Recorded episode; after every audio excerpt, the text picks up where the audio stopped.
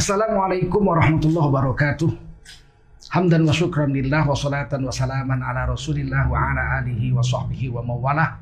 Allahumma salli ala sayyidina wa habibina wa maulana Muhammadin wa ala alihi wa sahbihi ajma'in. Amma ba'du kaum muslimin muslimat di mana pun anda berada. Mudah-mudahan kita selalu dalam ridha Allah ta'ala. Pada pagi hari ini Alhamdulillah kami kedatangan tamu agung dari Jawa Timur, tepatnya dari Jember, seorang ulama aswaja yang gigih berdiri atas faham ahlu sunnah wal jamaah yaitu Kiai Haji Idrus Ramli. Mudah-mudahan pagi ini kita dapat uh, curahan ilmu yang bermanfaat dari beliau. Assalamualaikum Kiai. Waalaikumsalam warahmatullahi wabarakatuh. Apa kabar hari ini? Alhamdulillah baik-baik. Nah, ini kita berkesempatan bincang-bincang setelah kita lama kenal di medsos. Ya. Baru ketemu langsung hari ini. Saya pindah di kampung ini sejak tahun 1966. Sebelumnya saya di kota di Jalan Ngalengko. Kemudian saya tinggal di sini. Nah, di sini ini Desa Tanjung Sari namanya. Sampai sekarang juga masih Kelurahan Tanjung Sari. Tahun 1955 bapak saya dengan eh, tokoh-tokoh uh, di sini mengutus seorang pemuda namanya Muhammad Adi Musa, orang yang cerdas sekali, pergi ketemu dengan almarhum Kiai Haji Idham Khalid di Jakarta dan minta mandat untuk mendirikan Nahdlatul Ulama di Sumatera Utara. Waktu itu beliau ketua umum PBNU ya. Waktu itu. Ya.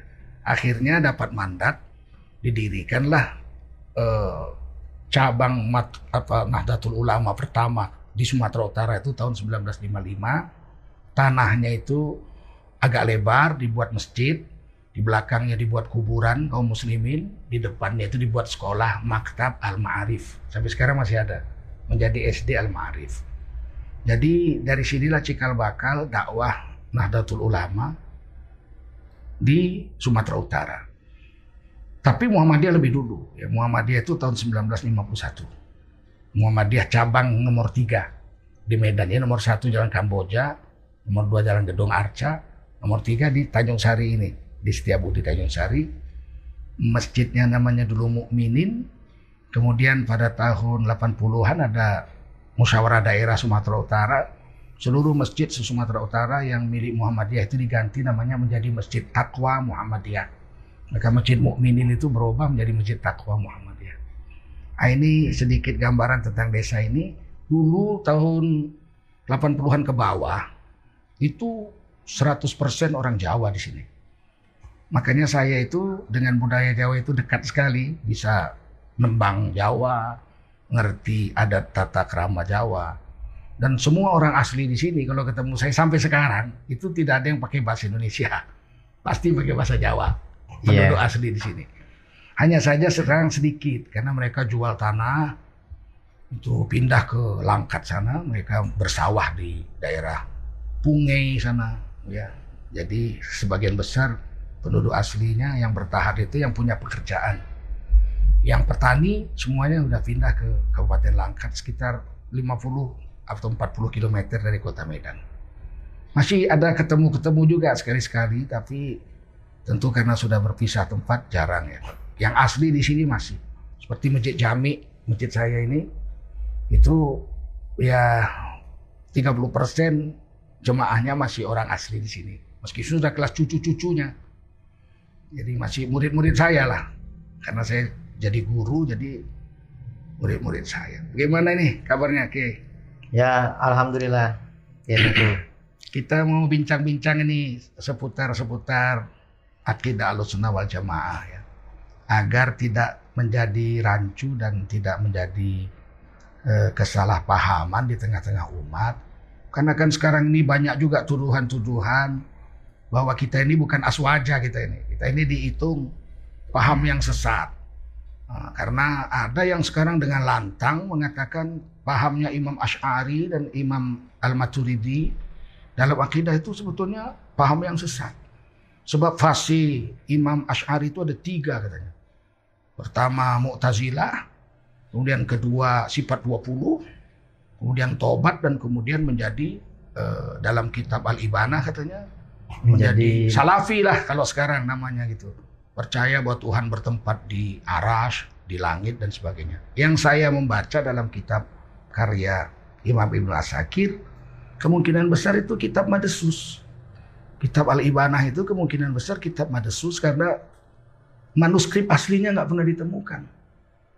Jadi fase perubahan Imam Ash'ari menjadi fase pemahaman salafi yang Tuhan itu ber- bertempat di aras, di langit kan pada tanggal 9 Zulhijjah turun ke bumi di Arafah.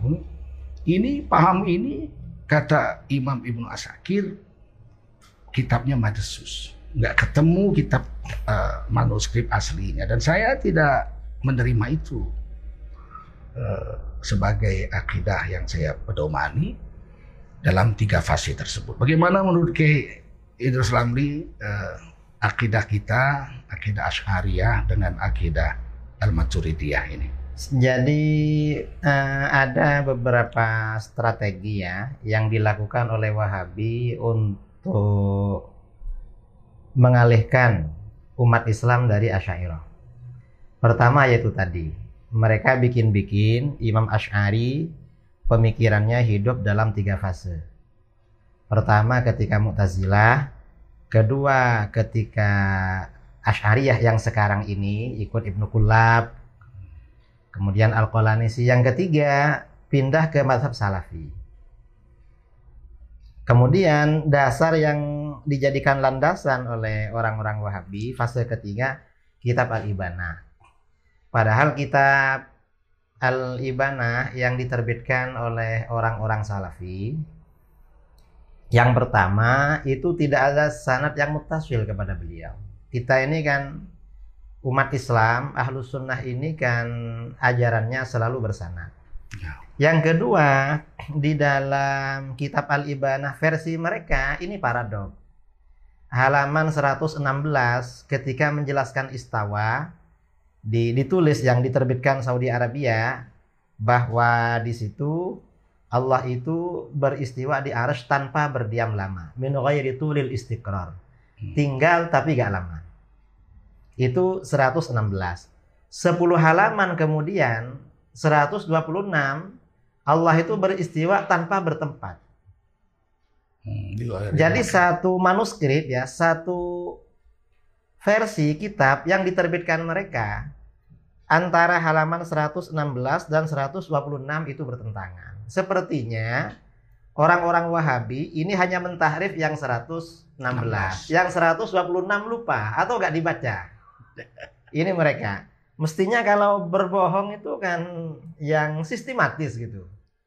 Jadi jangan separuh-separuh. Akhirnya ketemu kalau Ya. di ini yang pertama cara mengalihkan. Kemudian yang strategi kedua mengalihkan orang ahlus sunnah dari asyairah. Ini kata orang-orang Wahabi. Kenapa di dalam fikih mengikuti Imam Syafi'i akidahnya kok asyari? Kenapa akidahnya gak ikut Imam Syafi'i juga? Ini kan aneh kata mereka. Mereka mengira akidah Imam Syafi'i beda dengan Imam Asy'ari. Mengira begitu. Oh, itu pernah diadakan begini Pak Kiai, diadakan seminar di di belakang Hotel HI, Hotel Indonesia, di belakang itu ada hotel. Diadakan seminar tiga hari dan saya salah satu undangan dari Matlaul Anwar. Tahun berapa itu? Tahun 2000-an ya, 2001 atau 2000 atau 2001 2000 gitu ya. Saya masih baru pindah ke Jakarta waktu itu. Saya ikut tiga hari. Di situ di situ dibahas bahwa akidahnya Imam Syafi'i itu akidahnya Wahab, Wahabi Salafi. Segini tebalnya itu. Kemudian setelah se- selesai eh, seminar itu kira-kira berapa bulan ya, sebulan atau dua bulan terbitlah buku Akidah Salaf itu. Jadi di situ seolah-olah Imam Syafi'i itu menafikan eh, pelajaran akidah Ahlus Sunnah wal Jamaah yang diajarkan oleh Imam Abdul Hasan Al Ash'ari. Jadi itu sumber bibitnya itu. Saya tahu betul itu. Walaupun seminar itu tidak diputuskan Imam Syafi'i bermadhab seperti itu. Tapi digunakan hasil. Itu strategi. Iya itu. Ya. Saya masih ingat itu. Jadi akarnya dari mulai seminar Ya, itu. jadi orang-orang Salafi itu bilang Kenapa akidahnya gak ikut Imam Syafi'i saja, Qad Ash'ari. Lalu akidahnya Imam Syafi'i mereka yang bikin, bukan dari Syafi'i sendiri. Ini Ya, kan betul. lucu. Ya betul. Padahal Imam Syafi'i, Imam Ash'ari itu konsepnya dari Imam Syafi'i dan imam-imam yang lain. Karena seperti konsep takwil, konsep tafwid. Takwil dan tafwid ini kan dimusuhi sama Salafi. Ya. Ini diterangkan di dalam kitab Ar-Risalah dan riwayat-riwayat dari beliau. Imam Syafi'i ini memang kadang tafwid, kadang takwil. Ini konsep Asy'ariyah.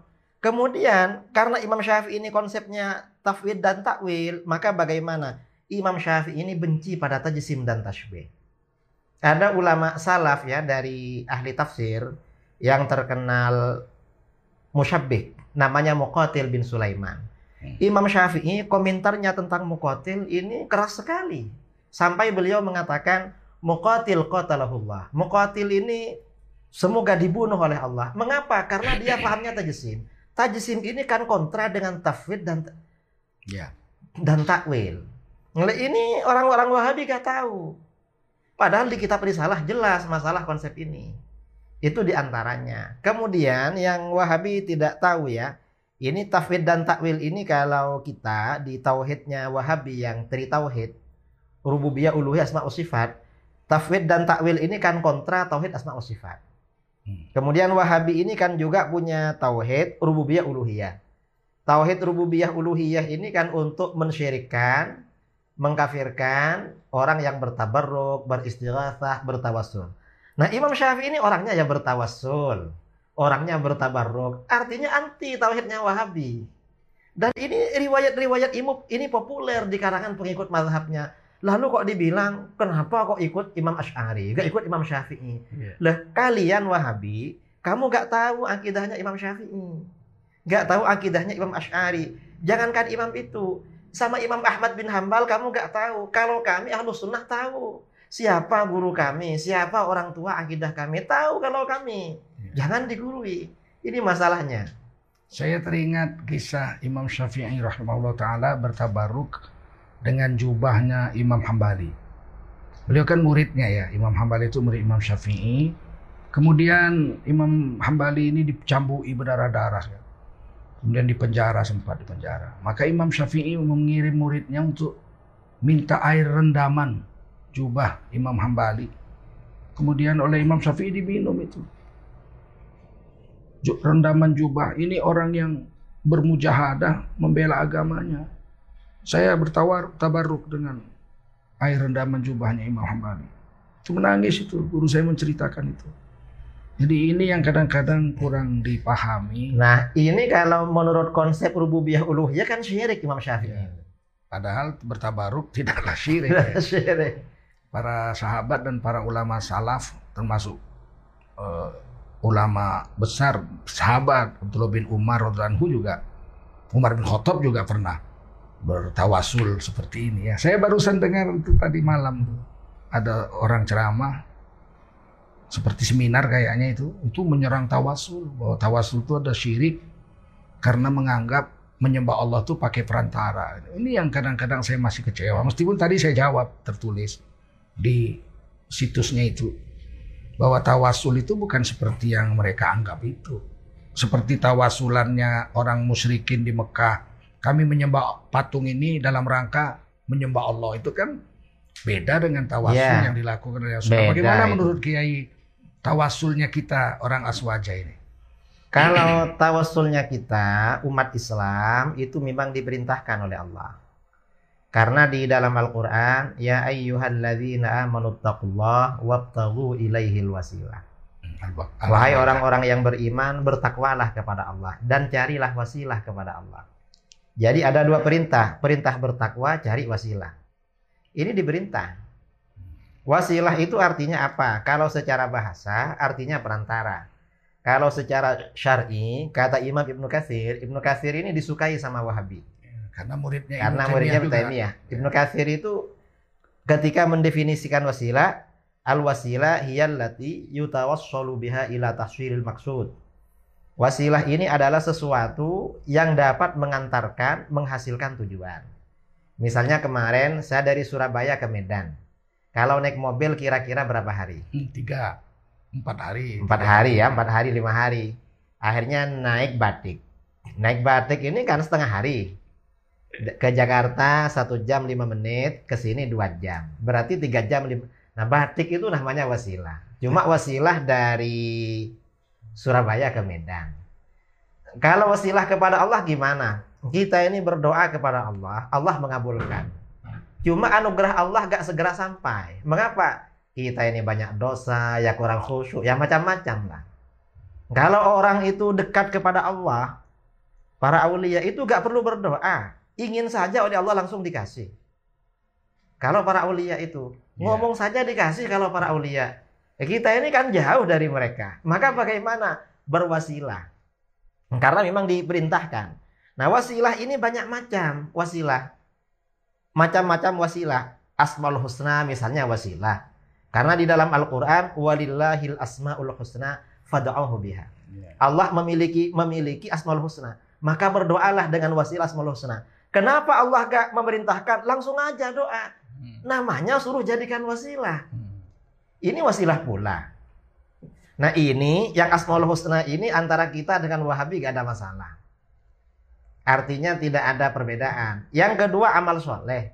Amal soleh ini wasilah pula. Seperti baca Quran, puasa sunnah. Ini kan menyebabkan terkabulnya hajat. Bersedekah dan macam-macam. Kemudian yang ketiga minta doa orang soleh. Ini wasilah. Para sahabat dulu kalau ada hajat minta didoakan pada Rasulullah. Cuma ada sebagian wahabi di Indonesia kalau minta doa pada Rasulullah gak apa-apa. Tapi kalau minta kepada syekh, kepada habib, kepada kiai, katanya syirik. Ya, ini kata dia, ada di televisi. Sebagian kecil. Iya, loh.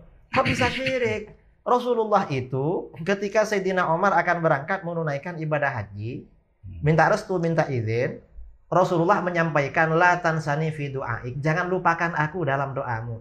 Rasulullah minta didoain kepada Umar. Yeah. Padahal doa Rasulullah lebih lebih ijabah kan. Yeah. Ini artinya artinya pendidikan pada kita, sunnah pada kita. Meminta doa kepada orang yang melakukan amal soleh. Walaupun status sosialnya di bawah kita menurut masyarakat. Dan itu berarti menjadi ibroh ya, menjadi contoh untuk diamalkan. Ya. Untuk diamalkan. Rasulullah saja seperti itu. Ini kan pendidikan pada kita. Ini wasilah yang ketiga. Kemudian wasilah yang keempat, bertawasul dengan orang soleh. Ini yang bertawasul dengan orang soleh ini yang ini orang-orang Wahabi yang mensyirik-syirikan. Yang kelima beristighatsah dengan orang soleh. Ini lebih syirik lagi kata Wahabi. Dan ini ada dasarnya semua. Yang mengajarkan wasilah dengan bertawasul, beristighatsah, ini Rasulullah juga. Kemudian bertabarruk dengan orang soleh. Orang soleh yang masih hidup maupun sudah wafat. Ini Rasulullah juga yang mengajarkan. Ada di dalam Al-Quran dalil-dalilnya asar dari para sahabat dan ulama salaf. Ini kok disyirikan? Ini kan problem sebenarnya. Karena wasilah itu di perumpamaannya begini, kalau kita ini sakit kepala minum bodrek atau ini ini madu atau apa ini? Madu. Misalnya ini untuk sakit apa ini Tengku? Ini untuk segala macam penyakit. Nah, kalau kita ini minum madu lalu sembuh misalnya, apakah madu ini yang menyembuhkan? Secara hakiki bukan. Allah yang menyembuhkan. Yang menyembuhkan Allah. Madu ini wasilah. wasilah. Sama dengan kita bertawasul dengan para dengan para nabi, para aulia. Yang mendatangkan manfaat, menolak madarat itu Allah pula. Hanya kalau bertawasul dengan para nabi, para aulia itu namanya kata para ulama wasilah syar'iyah. Wasilah yang menjadi tuntunan syarak. Kalau seperti bodrek, seperti madu atau obat-obat apa pun, itu namanya wasilah adiyah wasilah yang bersifat alami. Asbabiyah ya, asbab. Ya, jadi sebab musabab. Dan ini sama-sama dibenarkan. Yang penting kita tidak meyakini bahwa madu ini yang menyembuhkan tanpa hmm. Allah. Yang penting itu. Ya ini memang. Ini kan sederhana sebenarnya Tengku. Ya, memang sederhana. Kadang-kadang begini, yang yang menuduh kita sesat itu tidak mengetahui seluk-beluk yang kita lakukan. Ini yang sebetulnya perlu tabayun ya. Kadang-kadang diajak diskusi nggak mau.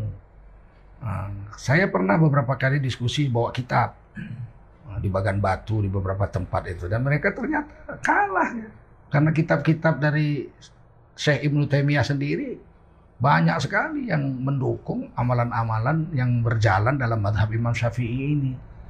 Nah, ini yang kadang-kadang saya pikir memang butuh waktu dan butuh kelapangan dada untuk mau sama-sama duduk berdiskusi masalah ini.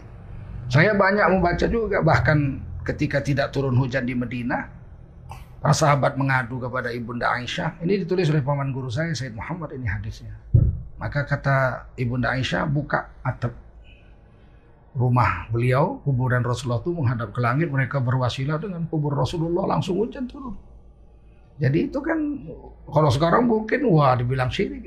Tak mungkin Ibunda Aisyah dengan para sahabat melakukan kemusyrikan. Iya karena itu kan muridnya Rasulullah kan. Ya kan tak mungkin. Kalau sahabat radhiyallahu anhum itu sesat, rusak akidah kita semua jadinya. Karena kita diperintah oleh Nabi mengikuti Nabi dan mengikuti khulafaur rasyidin. Dan sahabat Nabi itu kata Nabi seperti bintang di langit. Yang mana pun kamu ikut, kamu akan mendapatkan hidayah daripadanya. Nah, ini yang yang saya pikir perlu kajian lebih lebar agar uh, perbedaan dan kesalahpahaman ini bisa diluruskan. Saya sendiri di Mekah ngaji dengan Mufti Mekah waktu itu Al Khaidar, saya Al Khaidar. Selama setahun tuh nggak pernah dibahas-bahas masalah begitu-begitu. Ini di sini aja ini di Indonesia saja. Kalau di Mekah nggak ada dibahas-bahas begitu-begitu. Makanya saya heran, loh. Ini orang-orang di Indonesia ini rajin membahas-bahas begini, ini ngajinya di mana gitu. Hah? Mau saya ngaji di Mekah nggak begitu. Mungkin sebagian pernah kuliah di Riyadh, di Madinah. Oh, Allah alam, tapi kawan saya di MUI, Wakil Ketua Umum almarhum Profesor Dr. Yunahar Ilyas. Yunahar. Nah, sekolahnya di Riyadh, nggak pernah bahas-bahas begitu. Saya sering diskusi. Orangnya moderat ya? Moderat. Saya tuh dengan beliau tuh akrab sekali. Beliau wakil ketua umum, saya wakil sekjen. Sering kalau rapat itu kami berdiskusi gitu kan. Beliau sekolah di Riyadh. Nggak ada diajar aja di begitu katanya. Makanya dia heran juga. Ini malah ada satu sosok di Jakarta itu yang menulis buku oh, firqah firqah sesat itu termasuk Muhammadiyah sesat itu jemaah tablik sesat. jadi jadi kan dia sendiri masuk surga nanti. Nah, ya? jadi kan kata kata Kiai Haji Yunar Ilyas ini eh, Muhammadiyah pun disesatkan sama dia gitu. Dia ngajinya di mana? Saya ngajinya di Riyadh. Dia ngaji di mana ini yang nulis buku ini katanya. Nah, kadang-kadang yang begini-begini ini kan membingungkan masyarakat ya. Saya pikir harus di, disudahi yang seperti ini. Kalau memang berani tulis buku, harusnya berani bedah buku, berdiskusi dengan yang kontra. Itu baru namanya jantan kan. Sehingga masyarakat bisa melihat. Dan tidak sembunyi ya? Iya, harus terang. Kalau saya kan, kalau saya saya katakan, saya bermadhab Imam Syafi'i. Saya berani di, di kapan pun ditantang. Siap gitu. Walaupun kita bukan mau berdebat gitu. Tapi kalau, kenapa Anda memilih madhab Syafi'i? Kenapa nggak ikut Rasulullah langsung? Nah itu saya akan jawab. Kan gitu. Jadi kita berani gitu. Karena kita merasa yang kita amalkan itu benar. Ah ini tentang itu ya. Tentang uh, akidah. Ada yang mengatakan ini Tungku Zulkarnain, kayak Haji Idrus Ramli. Oh, ada disebut-sebut namanya itu. Masuk juga ke uh, HP saya dikirim orang. Jauhi ini Tungku Zulkarnain. Sebab dia tidak mempercayai Tuhan berada di, di atas. Uh, di atas dia tidak mengakui Tuhan berada di atas. Jadi harus dijauhi ini, ini sesat ini. Dikirim ke saya. Saya baca gitu. Loh, dalam hati saya ini orang bagaimana ya. Saya itu pikir ya Kiai, kita ini kan aswaja ini meyakini Allah itu istawa di atas arash. Karena itu ayat Quran. Ya Ar-Rahmanu alal arash istawa. Tuhanmu yang maha pemurah itu istawa di atas arash. Itu kalau nggak percaya sama itu ya kafir kan itu ayat Quran. Yang jadi masalah selama ini yang tidak dibuka adalah arti istawa itu apa. Dalam madhab kita kan ada dua pendapat nih. Madhab salaf kita mengatakan ulama-ulama salaf kita biarkan aja begitu. Istawa biarkan begitu, nggak ada, nggak usah dibahas-bahas, nggak tahu artinya. Nanti Allah aja yang tahu artinya bagaimana di akhirat kita baru tahu. Selesai. Allah istawa di atas aras titik. Jangan bahas-bahas. Yang satu lagi ditakwil ditakwil dengan ayat Quran ini ulama-ulama khalaf kita wa huwa rabbul arsyil azim bahwa Allah istawa di atas aras itu bukan duduk di situ, bukan bertempat di situ, tetapi mengaturnya. Rabbul Arsyil Azim. Allah menguasai, menguasai dan mengaturnya. mengatur, ya. Ah, Rob, ya kan? Jadi Ya. bukan dia beliau oh, bukan Allah duduk di situ begitu. Nah, ini kan dua pendapat. Nah, kalau saya dikatakan istawa apa? Saya ikut kata Imam Qurtubi dalam Fi Ahkamil Quran dan dalam kitab khusus yang beliau karang tentang tauhid ada 15 arti istawa. Yang mana yang mau diikut? Nah, kan oh, yang amannya menurut ulama salaf kita biarkan aja begitu. Nggak usah dibahas-bahas. Nah, orang ini menuduh kita menafikan Allah itu berada di langit atau di aras. Istawa, ini perlu dijelaskan kepada kaum muslimin. Bagi kita kaum ahlus sunnah wal jamaah, istawa bukan bertempat, bukan uh, berada di situ. Bukan duduk-duduk. Ah, bukan duduk-duduk di situ. Ada pula ya jelisu alal arsy. Allah duduk di atas arsy. Kalau duduk itu berarti Allah pernah berdiri, pernah berjalan. Dan hadis-hadisnya kan ada. Jika kau datangi Allah dengan berjalan kaki, Allah mendatangimu dengan berlari. Berarti Allah tuh berlari. Ini kan bahaya yang seperti ini. Kita menghindarkannya. Ah, dengan membiarkan atau mentakwilnya. Kalau ikut salaf biarkan aja. Kalau ikut ulama khalaf ditakwil. Artinya rahmat Allah lebih cepat datangnya bukan Allah lari-lari. Lari apa? Lari sprint, estafet kan bahaya maraton kan repot. Nah, maha suci Allah dari seperti itu gitu. Jadi ini yang saya ingin sampaikan juga pada kesempatan ini bahwa kami itu tidak percaya Allah itu bertempat. Kalau istawa oke, itu tidak bisa diganggu gugat. Gimana menurut? Be- betul itu, karena istawa di dalam Al-Quran. Ya. Dan ini, ya Tengku ya, yang lucu ketika Wahabi digugat. Mengapa Allah bertempat? Mereka bilang, karena Allah ada. Setiap sesuatu yang ada pasti bertempat. Nah ini kan bisa menjurumuskan pada kekufuran. Karena Allah butuh pada tempat. Ketika ditanya, tempatnya di mana? Arash. Ditanya lagi, arash makhluk apa bukan? Bingung mereka. Kalau mereka jawab, arash ini bukan makhluk, kufur.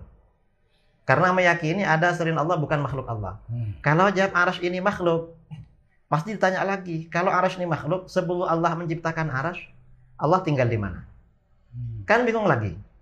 Akhirnya pernah ada orang salafi ketika dikejar, kalau arash ini makhluk, sebelum Allah menciptakan arash, Allah tinggal di mana? Apa kata dia, Ustaz? Ustaz gak boleh tanya begitu. Nah, kenapa? Itu pertanyaan haram katanya. Mengapa kok haram? Karena itu bid'ah. Kullu bid'atin. Ada yang begitu tentu. Padahal- tanya diharamkan kan lucu kan? kan begini, secara akal, sebelum ada apa-apa Allah udah ada.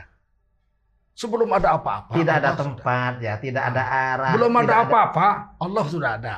Iya. Setelah Allah menciptakan aras, kemudian Allah bertempat tinggal di aras. Berarti sifat Allah berubah. Dari tidak bertempat di mana-mana, karena memang belum ada tempat, apa pun belum ada. Allah sudah ada, huwal awwalu. Kemudian setelah ada aras, Allah bertempat di aras, berarti sifat Allah berubah. Dari tidak bertempat menjadi bertempat.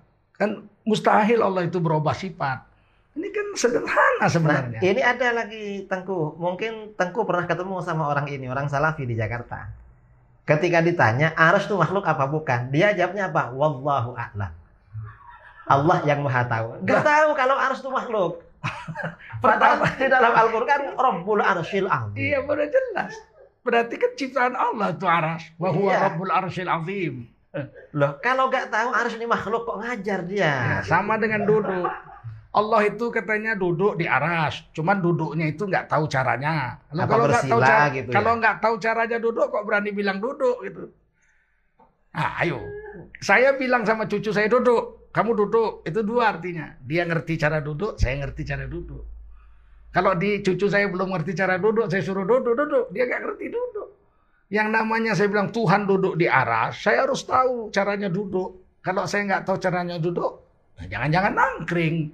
Hmm, jangan-jangan ya macam-macam kan gitu. Jadi memang repot lah. Tapi sebenarnya kalau diskusi dengan baik, ini bisa diluruskan sebenarnya. Karena saya bisa memahami juga, karena saya belajar juga di sana gitu. Bahwasanya eh, guru saya di sana bilang biarkan aja begitu. Tidak ada bahas-bahas. Ar-Rahmanu ala arsyis tawa, titik situ saja.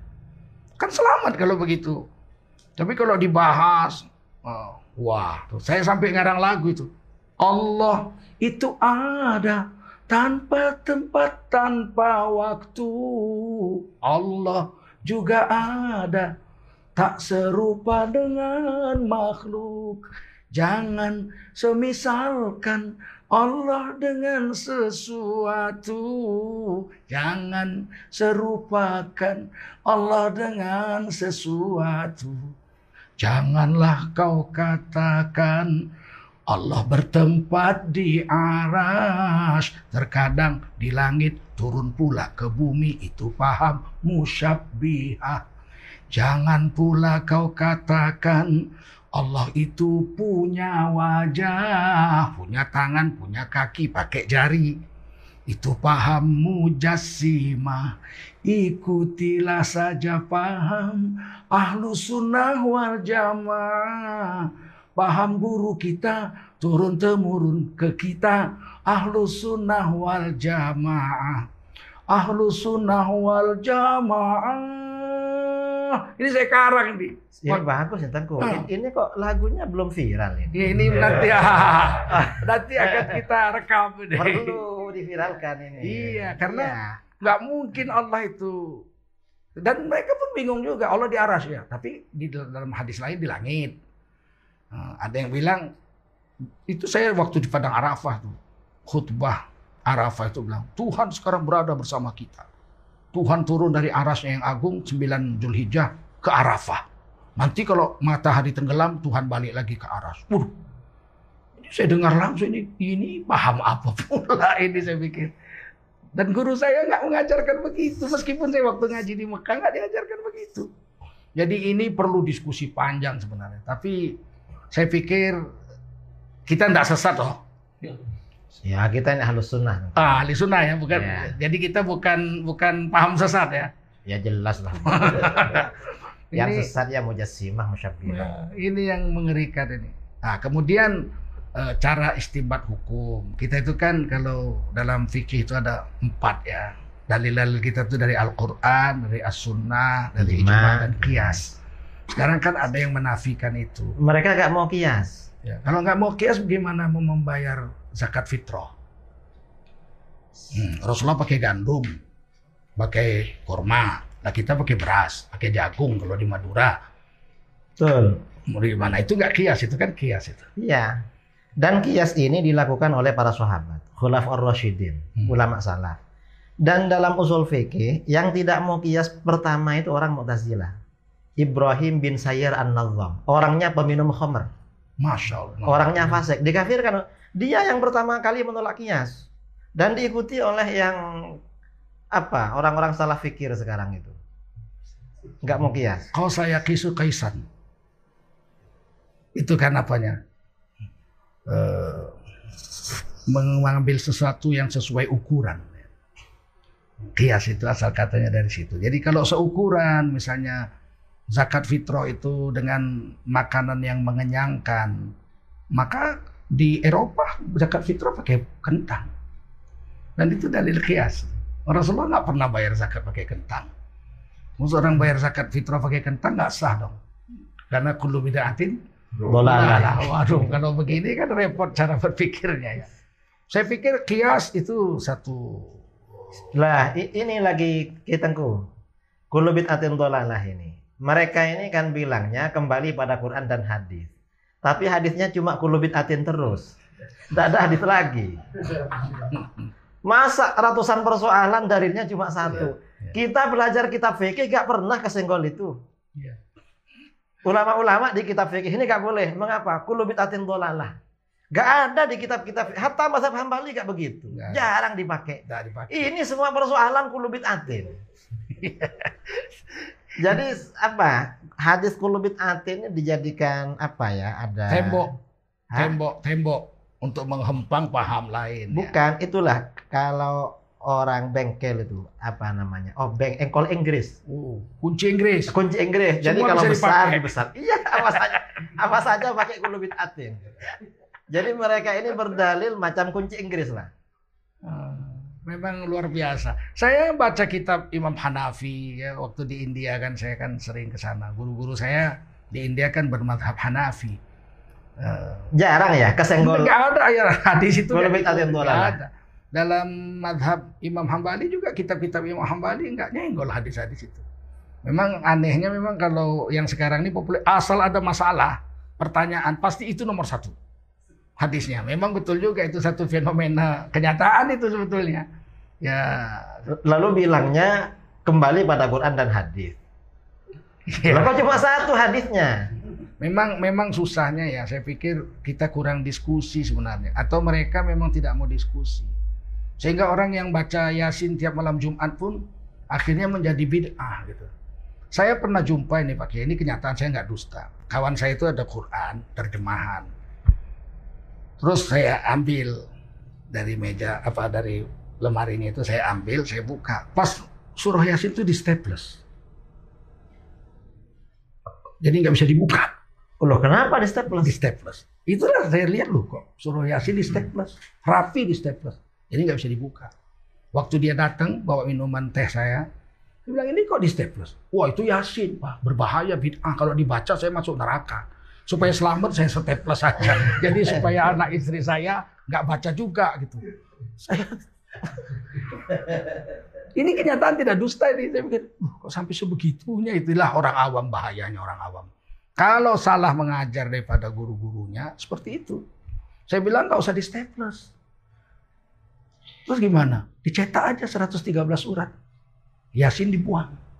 Karena Yasin bisa membahayakan masuk neraka. Kalau staples masih bisa dibuka. Jadi cetak Quran minus Yasin. Dia diem. Oh ya enggak bisa begitu. Staples bisa. Dibuang aja sekalian. Nah, ini kan berbahaya. Ini mesti salah dari gurunya ini.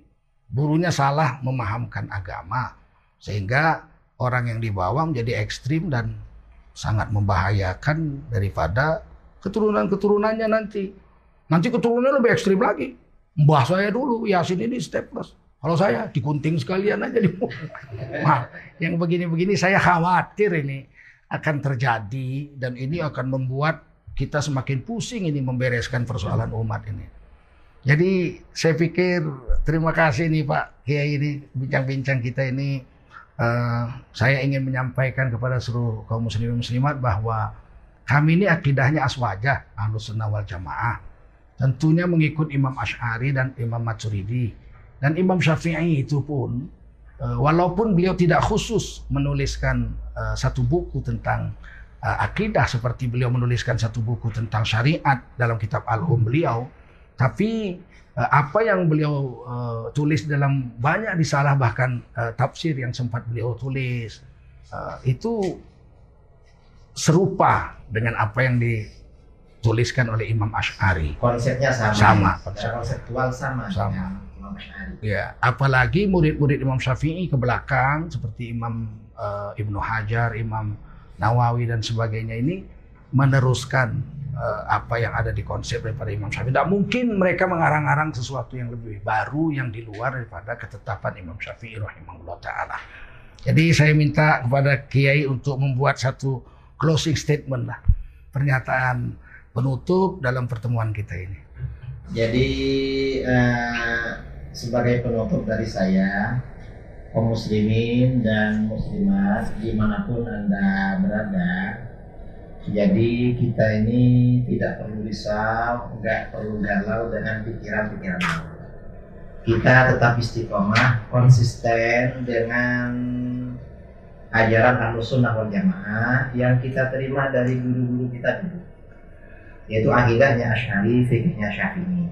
Dan nggak usah khawatir, itu eh, apa namanya? Itu darinya sangat kuat. Kita nggak perlu ragu-ragu pada ilmuwan mereka. Kita jangan terpengaruh dengan faham-faham baru yang berusaha mengajak kita keluar dari mazhab yang memang kita warisi dari para ulama penyebar Islam dulu ke Nusantara yaitu mazhab Syafi'i akidah Ash'ari dan cinta tasawuf atau sufi. Ini yang saya kira perlu kita jaga. Mengapa? Umat Islam ini perlu persatuan, tentu persatuan di dalam kebenaran, yaitu ahlus sunnah wal jamaah. Masih banyak PR umat Islam ini yang perlu dilaksanakan. Saya kira itu ya. Terima kasih uh, Kiai Idrus Romli. Mudah-mudahan pertemuan ini ada manfaatnya dan semoga kita tetap lurus dalam akidah al-sunnah wal jamaah sampai akhir hayat kita dan kita turunkan kepada anak cucu cicit kita sampai hari kiamat. Terima kasih. Saya Tengku Zulkarnain undur diri. Jangan lupa subscribe Tengku Zulkarnain underscore official. Subscribe, like, and share. Mudah-mudahan channel ini bisa bermanfaat bagi kehidupan beragama kita. Hapuskan permusuhan, lakukan pendekatan. Dialog adalah salah satu jalan untuk bisa memahami kedua belah pihak. Ketika seseorang menutup diri dari dialog dan sudah menganggap orang lain sesat, maka disinilah peluang setan untuk memecah belahkan kaum muslimin yang ada di seluruh dunia. Terima kasih. Wassalamualaikum warahmatullahi wabarakatuh. يا الله يا بصير يا سميع يا عليم يا حي يا قيوم برحمتك استغيث